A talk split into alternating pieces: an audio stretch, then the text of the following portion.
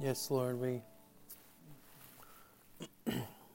when we say you are the way, God, we're saying there are no other ways. We don't we don't have our own plans, God. We set aside our own agendas, Lord.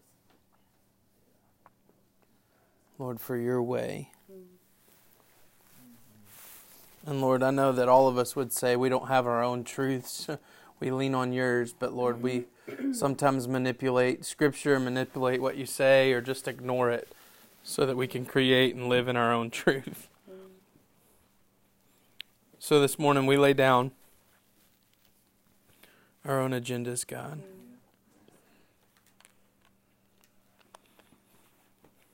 This morning we pause to listen to you.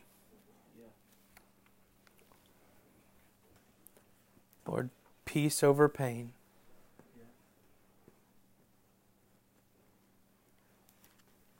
Your presence over the fire, God.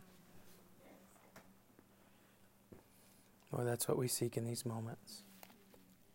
In Jesus' name, amen. hey, why don't you boys sit up? There we go.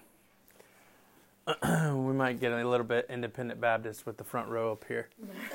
Yeah, yeah no, I will. I will start throwing offering plates. Um, hey, uh, so we've been uh, reading through the Bible, and we're getting to Dan- we're in Daniel. We're not getting to Daniel. We're in Daniel. Uh, David, are you about to like start? Uh, done, done. The enforcer.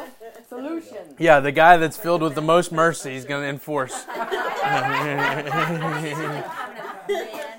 So, uh, um, so uh, hey, if you have your Bibles, turn to Daniel chapter three, and it's one of those that I love teaching. Probably one of the best Veggie Tale movies ever. Um, but Shadrach, Meshach, and Abednego. If I say Veggie Tale, what are their names? What are their names? Rack, Shack, and Benny. Rat, Shack, and Benny. Nobody. That's what, that's what happens when you grow up in church. Um, yeah, the bunny, the bunny. But but let me show you this. I, I have a ton of like research. I, I I used to teach like this, and I don't teach like this anymore. But the Lord just dumped a ton of information on me, and I'm going to ask a couple of questions here, and I'm going to try to fly through this without us getting too distracted. Ella Rain Mullins, thank you. So, um, real quick, I've done, I've read studies. We've actually we did a big study when we were at High Point.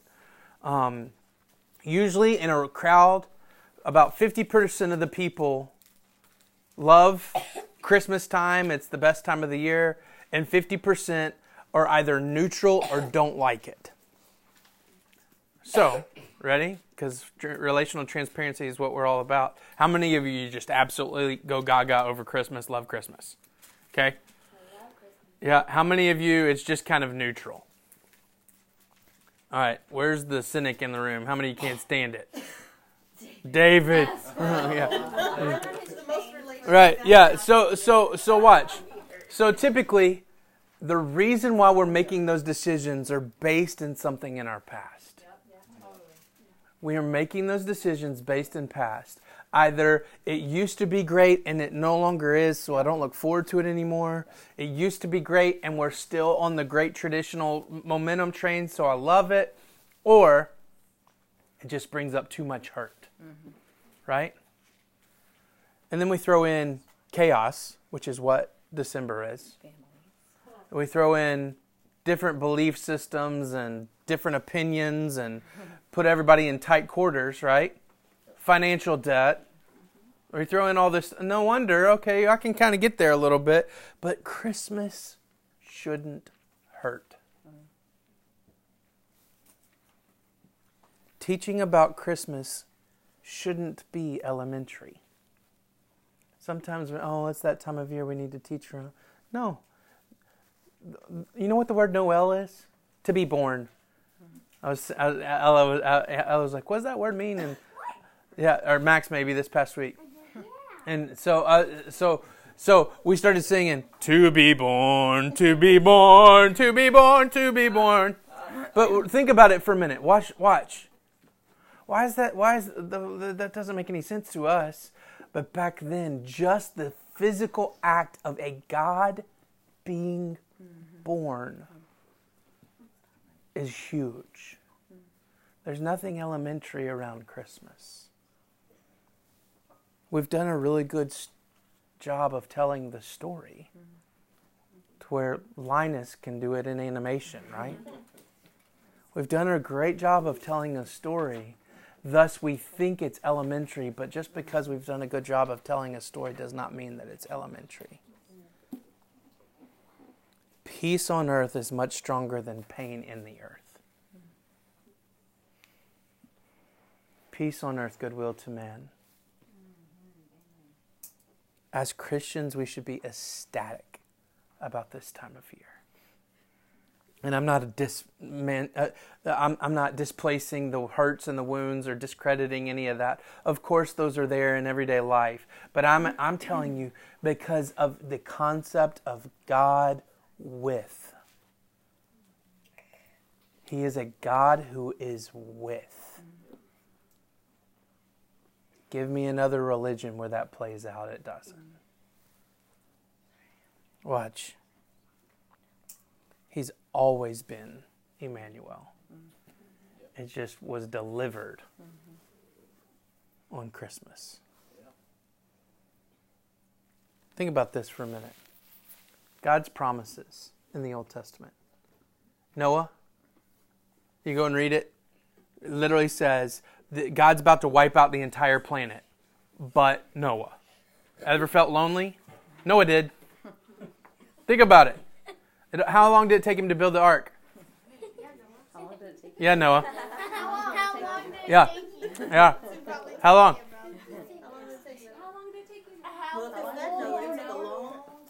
We've got we've got two Noahs, and I'm not talking about either one of them.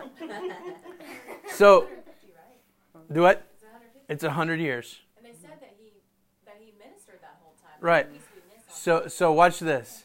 In the desert, building a big boat for a hundred years. Crazy old Noah, right? What's God's promise? My covenant I will give you in Genesis 9. Abraham, he's barren. They don't have kids. In Genesis 17, God says, my covenant I will give you, and you will outnumber the stars in the sky. Jacob. Same, or I'm sorry, Isaac. Isaac, who is born of Abraham, established, God says, I will establish the same promise that I gave your father. You will outnumber the stars in the sky. And you know when God gives him that? In the midst of a famine. Jacob, the same as your forefathers, I will be with you in Genesis 28. And the only reason why that's there is because he manipulated it. He tricked his dad and he manipulated Esau. Watch. Moses is in retreat because he's a murderer, living in a palace that's abusing his own people. And God says, I will be with you. Joshua, after Moses dies, the Lord says, Where you step, I will be with you. And then David. David's anointed three times. God doesn't give him a promise yet. After David loses a child, and then they find the ark, and they bring the ark in, yet God kills Uzzah because they didn't bring the ark in appropriately. You think, because based on the way that the Old Testament's gone, that David's going to get the I will be with you kind of thing. But David gets a different promise than anyone else. David says, or God says to David, I need a place to dwell. If you build me a place to dwell, your seed will sit on the throne forever. God's saying, I will be with you, I will be with you, I will be with you. And then he turns to David and goes, I need a house, and I'll be with you. You know what happens after David? The promises of God change. The promises of God, instead of I will be with you, I'll be with you, the promises of God turn to there is one coming. It's no longer, I will be with you, you will be my God, I will be your people. That's understood. God's now saying, there's one who's coming. So we get into the Old Testament where there's the prophets, and they're speaking about things to come. And right in the middle of that time frame, after Jeremiah, is Daniel. And there's this wicked king who comes in and takes over Jerusalem. His name is Nebuchadnezzar. I need you to sit. No sugar on Sunday mornings anymore. This wicked king comes in and takes over the place where God dwells. Think about it. The seed of which David is sitting on the throne, he overtakes that the where is your God now kind of statement because they serve many gods. He's taken over. And this wicked king begins to manipulate worship. In Daniel chapter 3, verse 1. King Nebuchadnezzar made an image of gold whose height was 60 cubits and its breadth 6 cubits he set it up on the plain of Dura in the province of Babylon. And then King Nebuchadnezzar sent the strap, satraps, the prefects, the governors, the counselors, the treasurers, the justice, the magistrates, a partridge in a pear tree, the, the officials of the province, and the de- for the dedication of the image that King, in, King Nebuchadnezzar set up. Then the satraps, the prefects, the governors, the counselors, the treasurers, the justice, the magistrates, the officials of the provinces gathered for the de- dedication of the image that King Nebuchadnezzar had set up. And they stood before that image that Nebuchadnezzar had set up. And the herald proclaimed, You are commanded, O peoples of nations and languages, that when you hear the sound of the horn, pipe, lyre, trigon, harp, bagpipe, and every kind of music, you're to fall down and worship the golden image that Nebuchadnezzar had set up.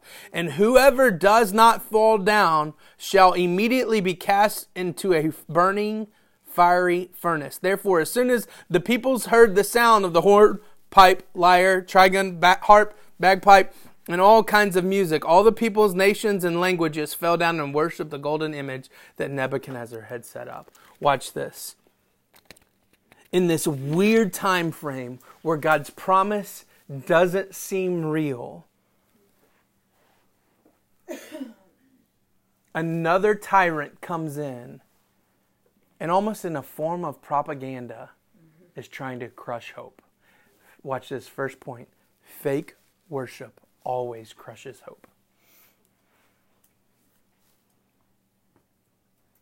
What are they worshiping? They're worshiping a fake God, a, a, golden image, a large image, set up on a plain, right? So many can see it. Mm-hmm.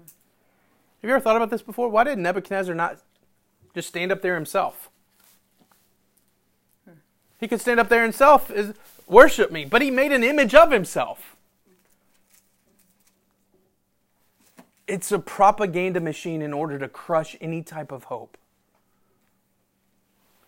Let me ask this question, and then it's a deep theological question. Process it before you answer, but I do want you to answer. Is there a moment in your life that you cannot worship? Let me say it this way Is worship continually coming out of you? And the answer is yes. It's just directed in one form or another either at a fake idol that's meant to crush hope, or worship is directed towards the true and living way, truth, and life that we just sang about. Think about what the enemy's doing here. I'm not going to put a man up because we could all speak to the man but I'm going to create this idea of a man, this image of a man, this idol of a man, refined by the purest things. Right? Hitler never said, Worship me. Hitler had concepts that he was teaching that he wanted people to fall under. Right? Aryan race, the concepts of pure lineage. The enemy will never cause you to really worship another person. It's too easy to spot. But representations of, we fall hook, line, and sinker. Mm-hmm. I bet this thing looked good. Gold image. Set up on a plain. A little bit of intimidation. Worship of anything else other than Jesus erases from our minds all the promises that are found in Him. I forget. His promises when I'm worshiping something else other than Him.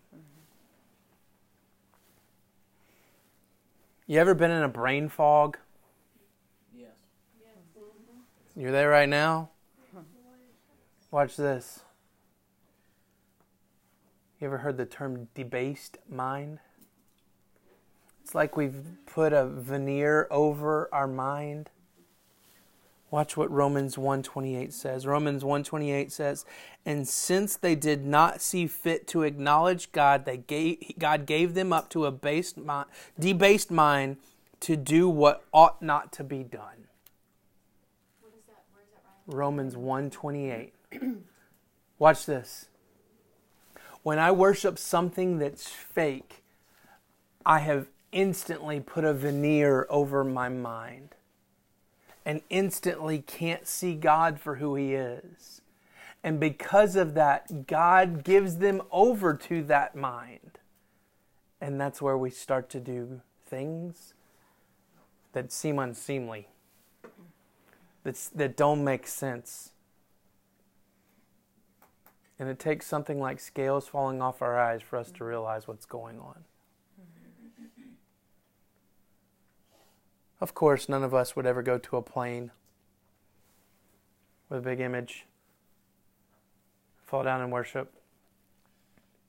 But y'all, we direct our worship in other ways other than to the Lord.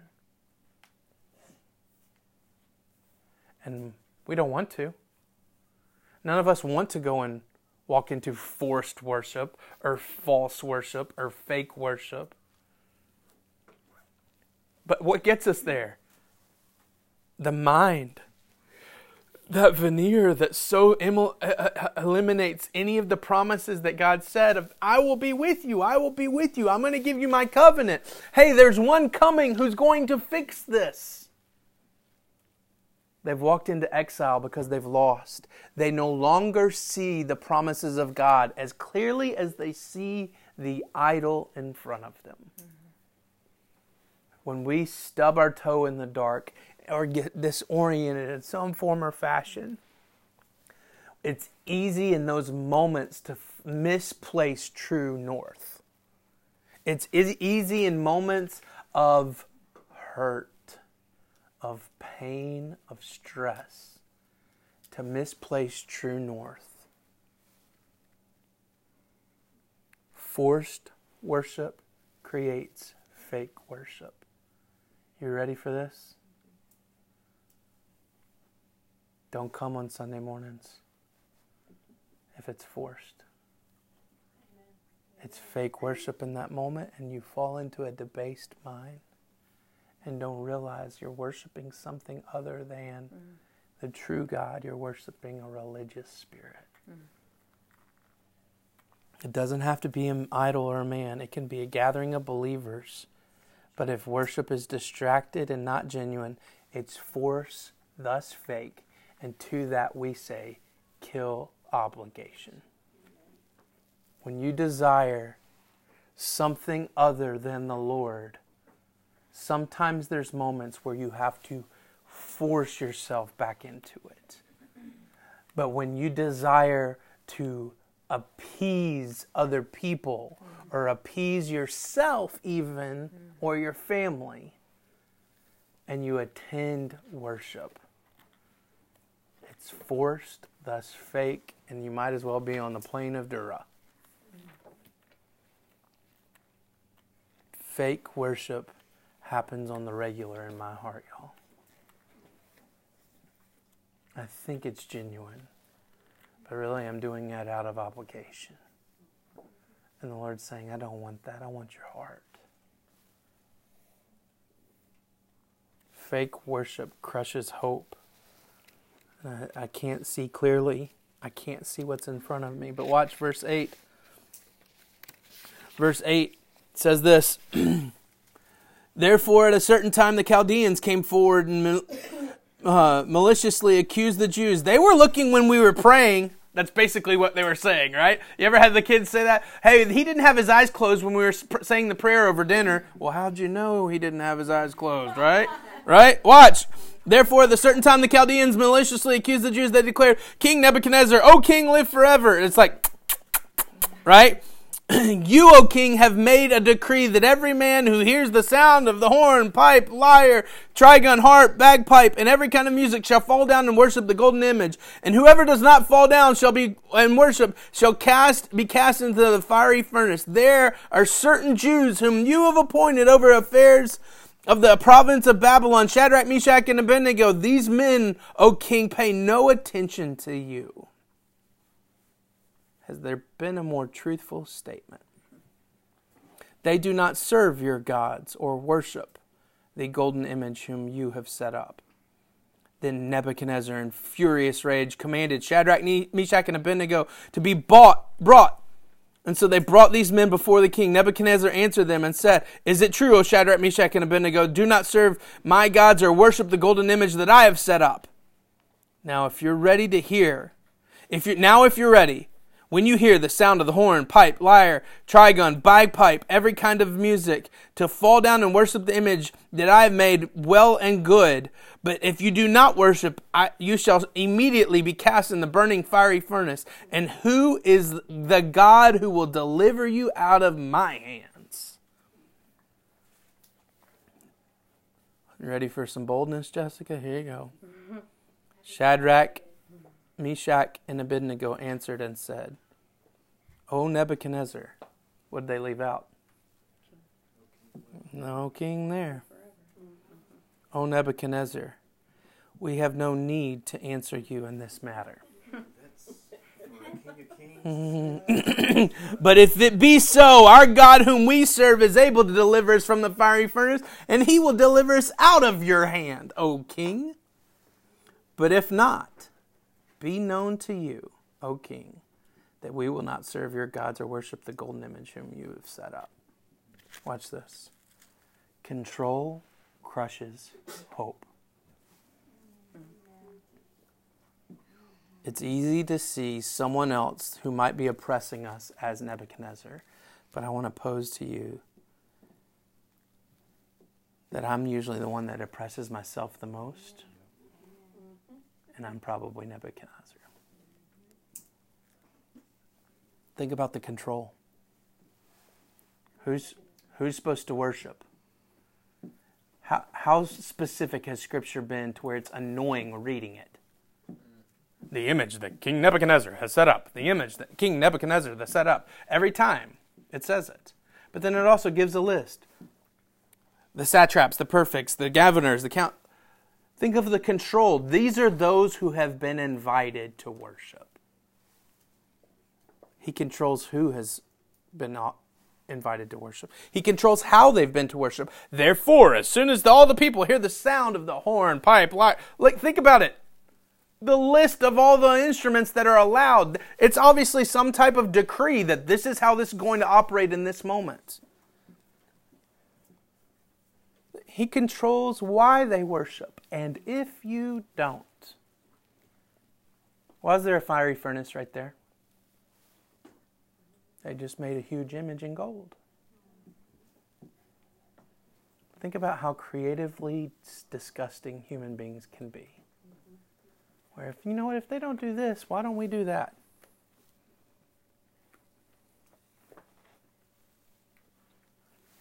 This is scary. Let me walk into this carefully for a moment.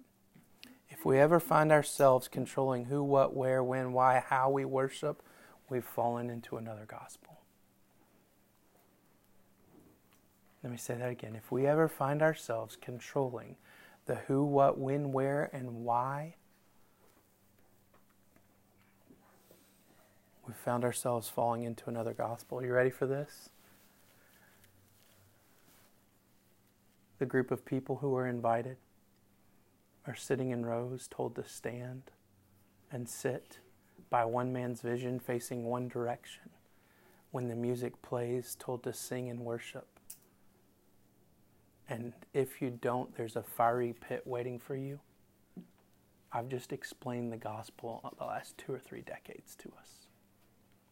We've fallen into another gospel of if you don't attend this worship service mm. and worship in the manner that we've told you, and when and how and what, if you don't do that, there's a fiery pit waiting for you. I hear often lots of people speaking of hell, and Jesus teaches a ton of hell. But if I ever convince someone to walk into a relationship with the Lord because hell's that bad, that's another gospel. Mm-hmm. I'll spend eternity with someone so that, that I hate, so that I don't go into hell. Mm-hmm. But watch this. The church hope is hopeless today, maybe it's because control has crushed all hope. Now you could do this on Sunday mornings and can't go to Guatemala because we only go to Costa Rica. And you face this and you've got to get out because we've got to empty the parking lot and this man has this idea and I'm I'm not throwing stones. I'm just trying to pull back the curtain on us a little bit and say, hey, let's remove the threat for a moment.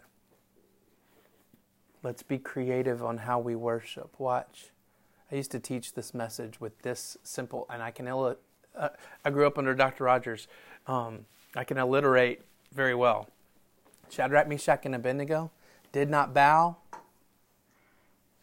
They did not bend when they gave their second opinion. Hey, you want to do this again? We want to try again? And they did not burn and we look at them as heroes. But listen to me for us not to bow or bend, not even to our culture, but to our religious culture that we live in, we won't burn. Watch this. When I empty my hands of control, God fills my hands with hope. Mm. When I empty my hands of control, God fills them with hope. You ever been around someone who's genuinely hopeful? I'm talking like, stay away from me, you creep me out, you're too hopeful. genuinely hopeful about the best things. And I'm not talking about ignorant, I'm talking about they are walking through all sorts of chaos but they can say, Nebuchadnezzar, that's not my king. Mm-hmm. They can say, Nebuchadnezzar, even if he doesn't. Mm-hmm. Think about it for a moment. Emptying my hands of control hurts.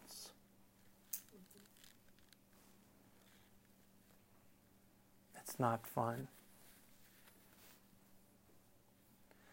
But every time I do it, the Lord fills my hands with hope, and I go running back to do it again the next time. The point of all points, and I think the Lord spoke this into my heart at the beginning of the week, and I couldn't get it out, and it's so simple here. Third point fire reveals hope.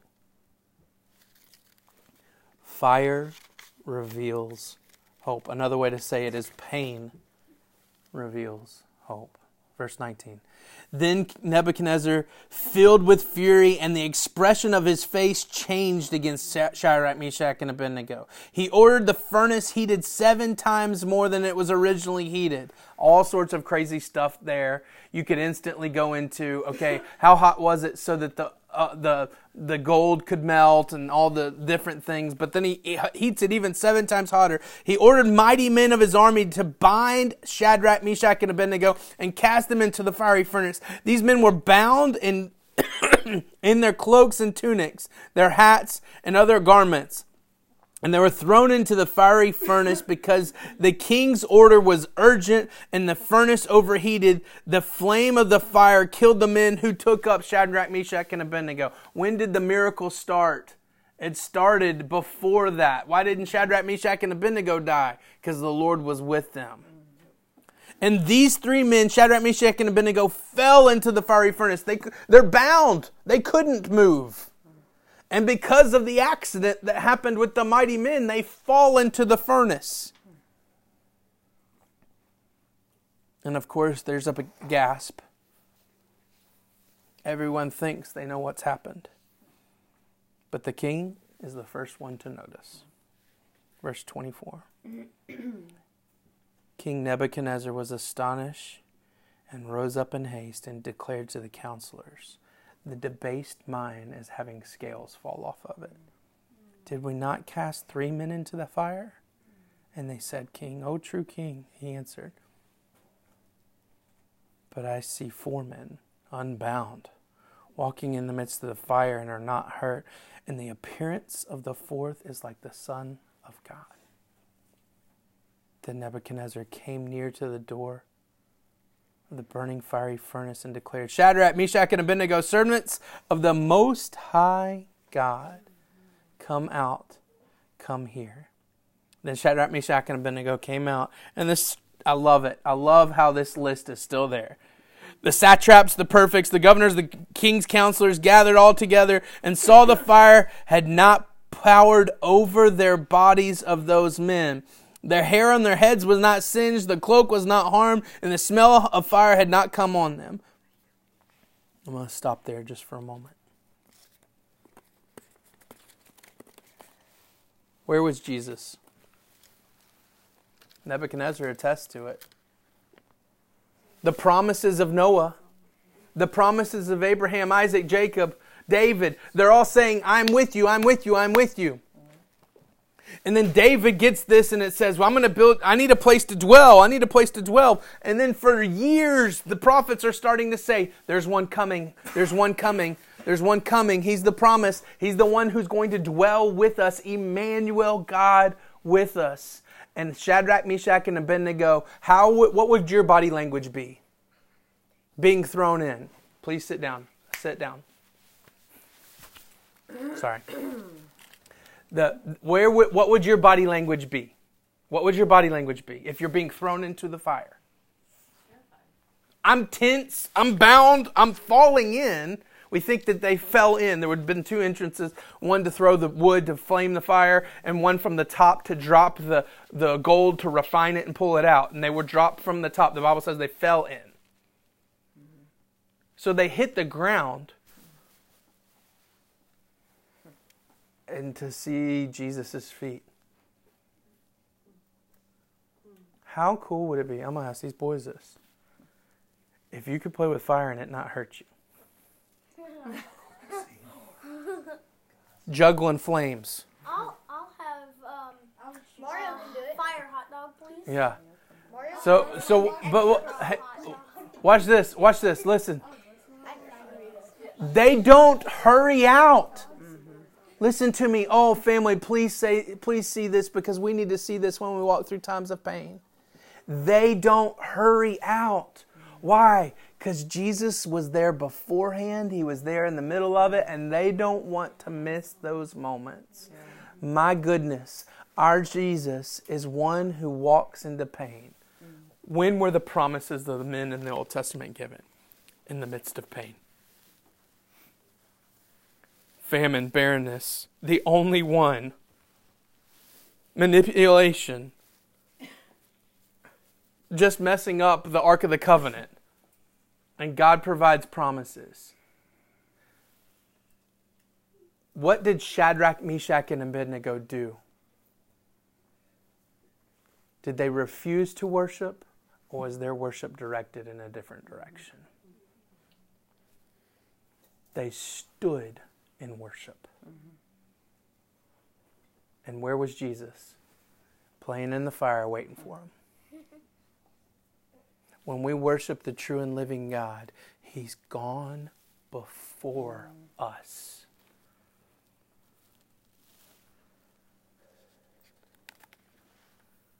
How messed up is it to even say, but even if he doesn't? You see, 1 Thessalonians 4:13 says this, Brothers and sisters, we want you to know about those who have died. We don't want you to be sad like other people, like those who have no hope. No, that's what's different about us and the rest of the world is death is but a moment. There is no sadness in death. There is what is 50 years in prison? Remember that from the documentary we watched a few months ago. This is but a moment. Eternity provides something so much further. So our minds are fixed on something greater than death.